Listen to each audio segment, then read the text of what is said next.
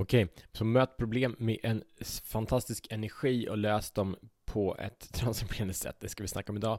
Fyra stegsformula för att lösa dina problem och bli mer av den man du menat att vara. Välkommen till Show the Fuck Up Podcast. Jag heter Mattias Fyrön och det här är en podd för män som är redo att frigöra sin inre kraft, kliva bort utom förbi sina inre begränsningar, sina rädslor, sina frustrationer och leda ett liv för att ha det fantastiskt, leva bortom kompromisser. Kallar vi det. Välkommen! Okej, okay, så många män rymmer från sina problem, både sina praktiska, konkreta problem om det handlar om karriär eller relationer eller ekonomi, men rymmer också från de interna problemen av känslor, interna problem av känslor och upplevelser som inte är som de vill. Och det här leder ju till att ja, men, saker och ting blir inte bättre. Att stoppa huvudet i sanden, ja, men det är ungefär lika moget som en femåring. Och det finns jättemånga 45-åringar som beter sig på det sättet. I ett område eller flera, oftast är många män duktiga på ett, en, en del men inte på ett annat. Så jag kommer bjuda in dig till ägandeskap och kör fuck up i ett nytt område idag. Och då, det som händer så fort eller konceptet kring show the fuck up är väldigt enkelt. Att så fort vi vill transformera någonting, så fort vi dedikerar oss och gör det som krävs, i show the fuck up to it, så transformeras det boom, like that. Så det är väldigt enkelt och det fungerar inom allt. Eh, jag kan berätta historier tills solen går ner i många dagar kring det konceptet i mina historier med människor jag jobbar med och så vidare. Så en del i det som innebär att bli man är att göra det som krävs och se situationen som den är. Så jag ska dela en fyrastegsformel som kan applicera i vilket område som helst när du har en problem, en utmaning, som kommer kunna transformera det väldigt, väldigt snabbt.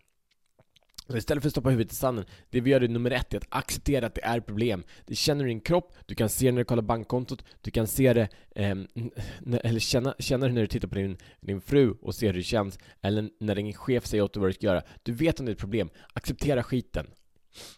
Eh, och att acceptera det, det är första platsen av, av kraft, för att innan levde en illusion och nu är du i kraft. Grymt! Boom! Snyggt gjort. Nummer två, identifiera problemet. Att acceptera och identifiera är inte samma sak. Att Identifiera innebär helt enkelt att vi beskriver exakt vad problemet är, var det kommer ifrån, eh, hur, hur det ser ut, vad kostnaden är och så vidare. Men blanda inte ihop dem. Många går in direkt att identifiera, men vad är, problem, eh, vad, vad, vad är problemet? Eller till och med, vad är lösningen? Innan man har accepterat och identifierat. Och det gör att man inte vet vad man faktiskt löser, vilket gör processen mycket eh, eh längre och krångligare än vad den behöver vara.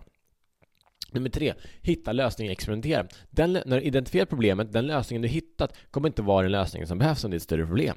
Och det är precis så det ska vara. Men det handlar om att hitta en lösning som, som är good enough for now, safe enough to try. Good enough for now, safe enough to try. Gör det, för det vi kan göra då är att vi kan bli vetenskapsmän, vi kan börja experimentera med oss själva, med andra, med livet, med hur vi ser saker och ting.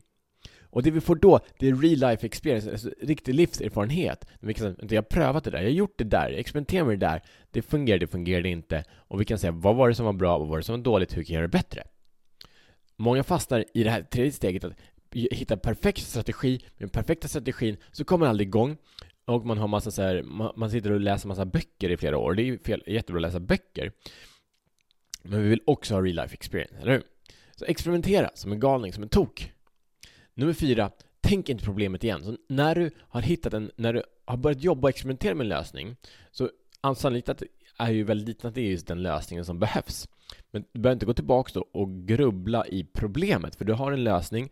Med experimentet så är det en feedback loop, vilket du gör, du får ett resultat, du gör bättre. Gör om, gör rätt. Eh, så, så tänk inte problemet, du behöver inte gå tillbaka till det och säga att det här är så jobbigt, vad vi ska göra. Utan det vi behöver när vi har problem, vi behöver klarhet i vad vi ska göra. Så så fort vi har, eh, vet vet att det finns ett problem, vi vet någonting vi kan göra, så länge vi fokuserar där så känner vi oss inspirerade istället för nedtyngda av problemet. Så det blir ett enormt energiskifte när vi gör de här fyra stegen. Så nummer ett, acceptera att du har problem, identifiera problemet. Nummer två, tre, hitta lösningar och experimentera. Och fyra, tänk inte på problemet. Så det här är en, en frihetsformula.